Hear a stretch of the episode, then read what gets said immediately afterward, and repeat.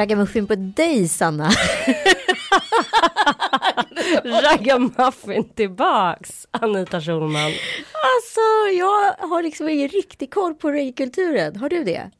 Nej, jag älskar ju Bob Marley och jag tycker bara att det är otroligt fascinerande att reggae på något sätt verkar tilltala svensken. Ja. För att eh, jag får en känsla att reggae är ganska stor här och det finns ju väldigt mycket roliga eh, anekdoter om just Bob Marley. Han gjorde ju en legendarisk spelning på Gröna Lund. någon gång på 1978. Gjorde han det? Mm. Samma år som Jag vi föddes! Ja, så det, det ligger där någonstans i vårt eh, DNA tror jag. Att vi gillar reggae någonstans. Och om man inte har förstått det redan så lyssnar man alltså på Fyllepodden med mig Anita Schulman. Och mig Sanna Lundell. Och vi har podden i samarbete med IQ och våran gäst idag är ingen mindre än Syster Sol.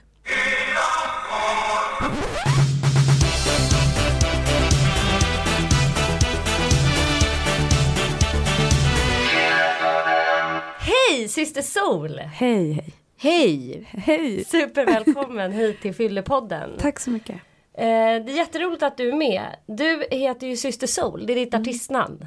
Ja. Vad kommer det sig utav? Nej men det kommer sig av att en eh, kompis till mig som också är artist, han för, ja, vad är det, 15 år sedan så var han så här, ah, men du måste ha ett artistnamn nu liksom. Jaha okej och sen så var det liksom, han bara, men du är som alla syrra, du är så här, vi hade ganska mycket killkompisar eller alltid haft det liksom. Och eh, så har jag blivit lite som syrran liksom, allas syster så här. Och så passar det in med reggae också för där kallar man ofta varandra för sista eller bredda så här.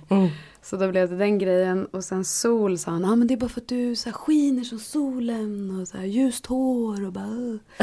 Så då blev det Syster Sol och sen så tyckte jag inte så mycket om det först men sen så liksom har det växt och nu tycker jag om det.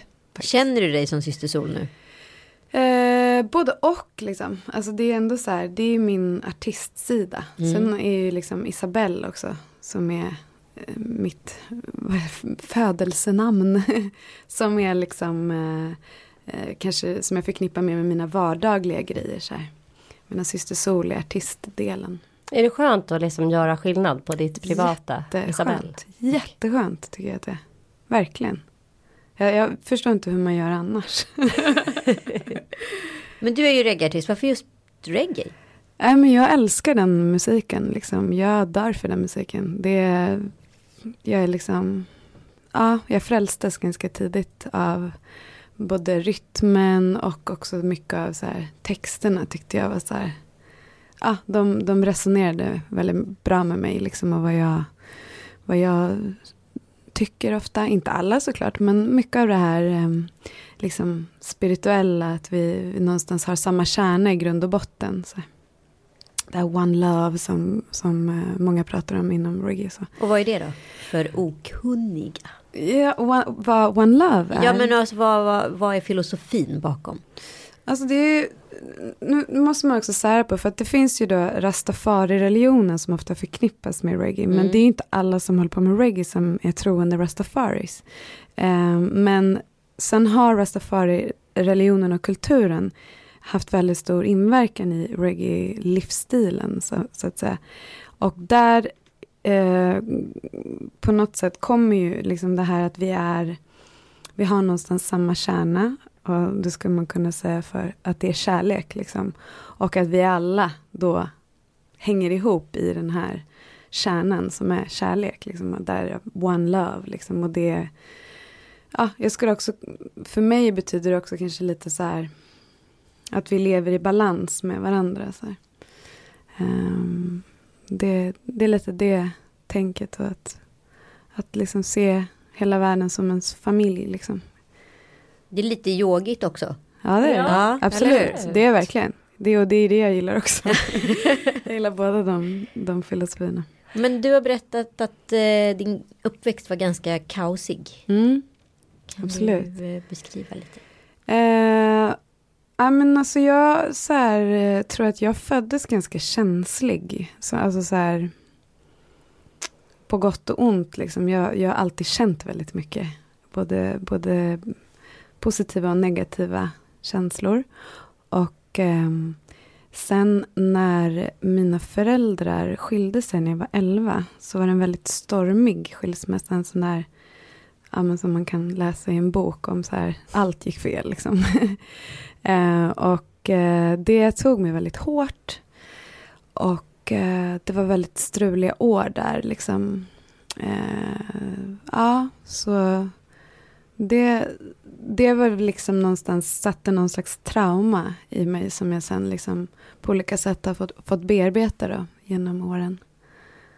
Fanns det ett liksom tydligt före och efter den här skilsmässan med dina föräldrar? Hur var det innan mm. de skilde sig? Um, men innan så var jag nog ganska så här all, jag tror att jag var en lugnare person, även om jag som sagt har varit känslig och så här haft mina så existentiella funderingar redan som liten. Men jag var, jag var lugnare. Liksom. Jag hade inte samma behov av att, vad ska man säga, ja, men hävda mig eller liksom. Jag bara så här, kände mig mer kanske delaktig också i, i samhället. Men efter det så var det också så här tonårsperioden som kom lägligt i samband med den här skilsmässan. Så då gick jag in i massor av de här ja, liksom, tonårsdeppet och, och utanförskap och rebellade väldigt mycket. Och så här. Vad gör man när man rebellar? Alltså jag var ute i parkerna och söp, hängde med mm, folk som hade det som jag. Och då blev det liksom när vi slog våra destruktiva liv ihop så blev det ganska destruktiva saker vi gjorde. Som exempelvis? Alltså, vi snattade, vi klottrade, vi eh, ja, eh, gjorde saker man inte ska göra i den åldern. Liksom. Helt enkelt. Eller ja, man kanske aldrig ska göra det. Nu är jag inte så emot klotter och så just. Men, men liksom, det är lite charmigare för den för 65-åringar. Ja, det hade varit något faktiskt. Det finns ju en grupp eh, äldre som, som målar faktiskt. Ja, det gör det. Ja, gör det. ja, det finns ett community, absolut. Jag har sett en dokumentär om det. Skithäftigt. Nej, men just så här, hamnade lite snett liksom. Så här och ja, rebellade, kom inte hem och sådana saker. Hur såg det ut med alkohol under den här perioden i ditt liv, Strulet. Mm. Men då drack jag ganska mycket faktiskt. Um, också så här, Och inte bara på helger, vilket var lite så här, som jag förstår i efterhand, lite så oroväckande kanske som jag inte förstod då, men det kunde vara liksom, det var en jobbig situation så här som jag var i liksom, vet jag att jag kunde så här smyga ner i källaren och sno mammas och pappas sprit så här och bara ja, ta en hutt liksom. Uh, Skära av topparna? Ja, lite så. Var det lite för att döva någon slags äh, ångest och oro eller var det för att bara rebella? Och bara, nu ska jag göra något som jag inte får och kicka på det eller? Mm, jag tror att det var en kombo av dem faktiskt. Det är också, det fanns någon, någon slags um, njutning av att göra fel. eller vad man ska säga. Alltså det blev, det blev en kick i sig. Så här. Mm. Men hur, eh, hur tog du ur det här destruktiva? Alltså sen, det, det var ju liksom någon slags eh, förstadie till det som kom sen och som blev mer liksom en, eh, en sjukdom där jag gick ner i totalt mörker liksom och depression och ångest och liksom kunde inte fungera helt enkelt normalt. Så. Um, och då blev det ju någonstans att jag fick ja, hitta eh, hjälp, liksom, professionell hjälp för det, det jag gick igenom. Hur gammal var du då? När du blev deprimerad och verkligen fick en, en ångest som påverkade ditt liv så att du inte kunde... Mm, alltså där, när det blev allvarligt, egentligen så började det väl redan då eh, vid 11 års ålder. Men den, den liksom på något sätt blev eh, outhärdlig, då var jag 16. Uh, eh, sen höll, höll det väl på faktiskt egentligen i tio år. Så uh, mycket också för att jag fick inte rätt hjälp och, och, det var ganska svårt att ta sig fram i den där djungeln av, av um, uh, uh, olika vägar inom psykiatrin. Så ja, men det är mycket piller och inte så mycket prat eller hur? Ja, det var väldigt mycket så och sen så var det också att um, ja men de lyckades inte riktigt sätta in mig i ett fack. Så här, vad det var för problem jag hade och vad de, liksom, hur de skulle göra med mig helt enkelt. Jag tror det var mycket så. Sen var det också brist på resurser så att det, jag fick vänta ofta väldigt länge på att få hjälp. Och fick liksom kanske inte helt rätt eh, mediciner och sånt där. Så att ja, det var det. Men du säger att någonting hände i alla fall när du var 26 ungefär då, då, efter tio år. Vad var det som hände då som gjorde att det vände? Ja, men jag tror inte att det var liksom en så här halleluja-stund. Liksom att det bara så här, ah, nu mår jag bra, nu har jag kommit på allting. Även om det kan kännas så ibland. Men alltså, jag tror att mycket av det arbete jag gjorde de senaste ja, fyra åren innan jag började må bättre. Det var ju liksom att jag gick in mycket för liksom mm, att försöka få svar på det som gnagde i mig. Liksom mycket av det här existentiella, den här tomheten, det här känslan av att det var något som fattades hela tiden. Um, att jag började söka svar på det och då hamnade jag liksom i alternativa världar. Uh, åkte till Indien, uh, började med yoga, mediterade och um, blev väldigt intresserad av så här renlevnad. uh, och det tror jag bidrog till att jag började må bättre. Men sen har det varit liksom en process så är jag liksom egentligen varje dag. Så här att jag vet att jag har den här eh, känsligheten och det här, den här ryggsäcken. Liksom. Mm. Och då måste jag liksom hela tiden också ha mina strategier för att ja, deala med livet. Liksom. För jag märker också att samhället i stort är inte så anpassat efter att vara en känslig person. Utan man förväntas vara så här högpresterande och, och liksom självständig och eh, på ett sätt perfekt. Liksom. Även om man säger att så här, nej men ingen är perfekt så tycker jag ändå att det finns någon sån så här norm ändå. Att det, det, man strävar efter det perfekta hela tiden. Jo men det är väldigt lätt att erkänna att man inte är perfekt när man redan varit perfekt. Ja. Eller alla uppfattat den som perfekt. Ja, precis. Då är det okej att gå ut och så här, prata om att man bara är människa och, och de ja, grejerna. Ja, ja, visst.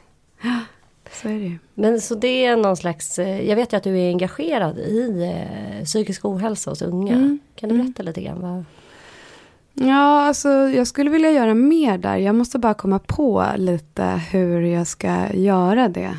Alltså så använda min plattform på något bra sätt. Mer än liksom bara musiken. För mina texter handlar mycket om det. Men just att så här, kanske dra igång något projekt. Så här, det är jag lite sugen på. Men jag måste hitta rätt metoder. Och det får ta den tid det tar. Men ja, jag är liksom... Jag eh, har kontakt med vissa som har det tufft och sådär. Som jag mejlar med och sånt. Mm. Och delar erfarenheter. Och också så här, intresserar mig väldigt mycket för att så här, försöka hitta vad är det som gör att så många mår så dåligt. Liksom, och vad är, vad är kärnan? Finns det någon gemensam nämnare här som ja, kanske går bortom det man pratar om i, i medicinska termer och liksom psykologiska termer. Finns det något annat? Liksom? Och jag tycker mig se just det jag pratade om tidigare, just det här, det här eh, känslan att ett tomrum, har jag ofta. Mm. Och det återkommer liksom. Man, det är något som fattas, det är en brist liksom, eller en saknad inombords. Så här. Och eh, jag tror att det gör att man liksom någonstans försöker fylla den på olika sätt och, och bli liksom Samtidigt som det är en drivkraft kanske i livet så kan det också bli väldigt destruktivt när man försöker fylla det med fel saker. Liksom. Var det alltid självklart att du skulle bli en reggaeartist? Um, nej, det, nej, inte alltid. det blev nog när jag eller det är fortfarande inte självklart. det, det är något som faktiskt bara hände. Ja. Det, var ingen, det, var, det fanns ingen masterplan bakom det. På vilket sätt hände det? Hur, kom, hur, liksom, hur slog det igenom?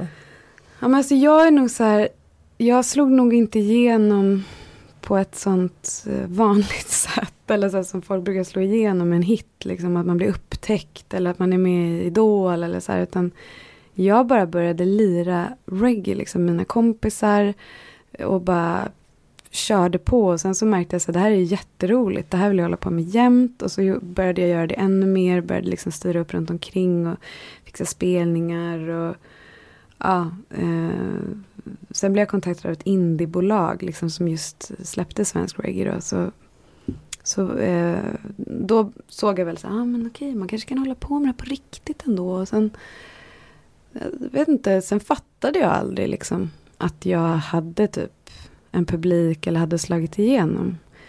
Eh, men sen förstod jag så här, okej, jag har typ haft en hit. Så ja, men alltså, det var så konstigt för, för jag vet inte, jag, jag fattade, jag lyssnade inte på radio själv och var ganska så här frånkopplad från den världen. Och det är fortfarande så här, luddigt tycker jag för mig. Alltså jag, jag tror inte att jag jag, jag, tror fortfarande inte att det ska komma några folk på spelningar och så. Men ni har varit ute på turné och sådär? Ja, ja gud, alltså det går ju verkligen skitbra. Ja. Så det kommer alltid jättemycket folk på spelningarna, men fortfarande så fattar inte jag det. Du har ju varit med i flera olika projekt för att stärka unga tjejers självkänsla. Mm.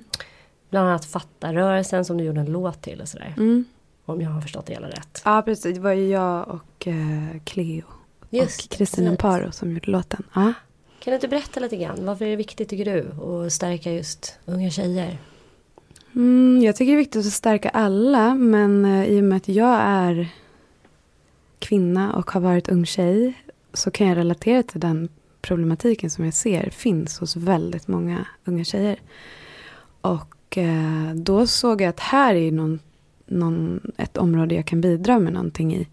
Och just att se hur musiken har varit eh, ett stöd för mig. Liksom att hitta min plats och min plattform för att uttrycka känslor och ta min plats. Så, här.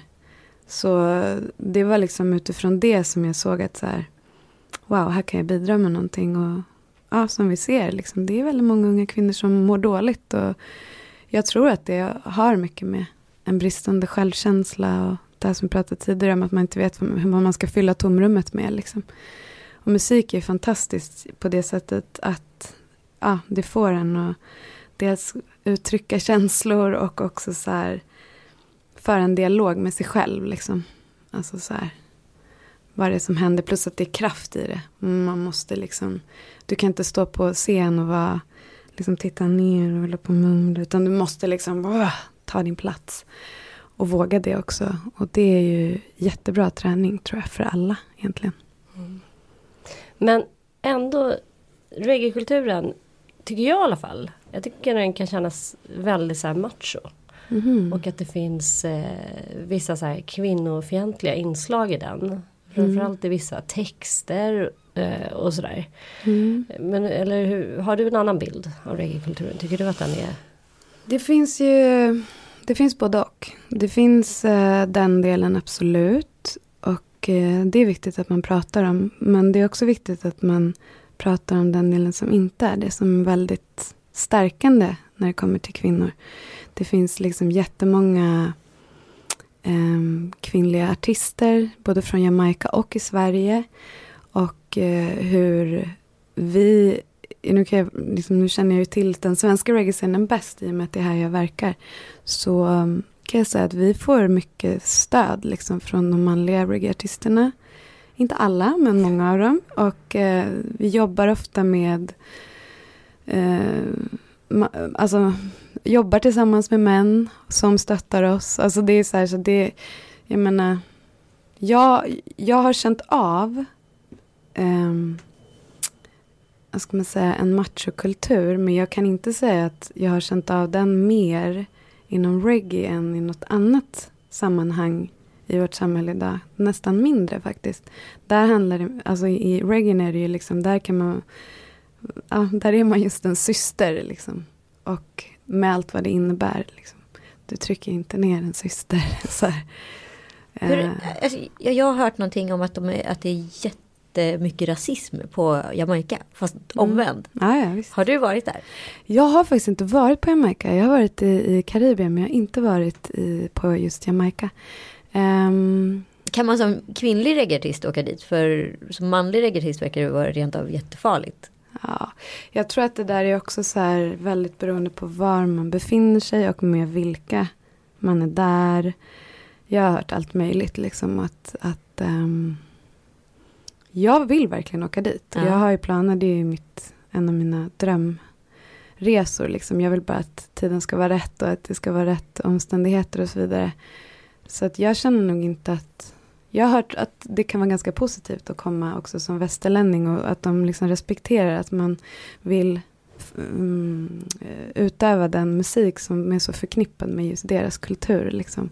Och att man någonstans vill sprida den i världen. Att det också kan vara väldigt respektingivande.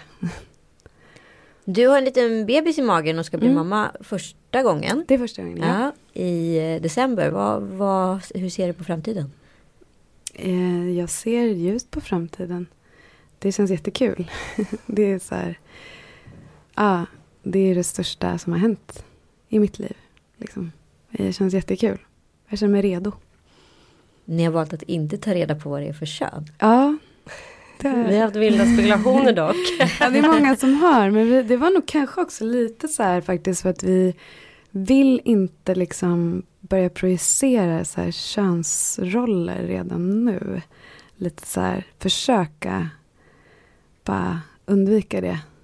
Uh, så här. så det, för oss är det viktigt att det, det, är en människa som kommer. Liksom. Det är det som är, som är fokus.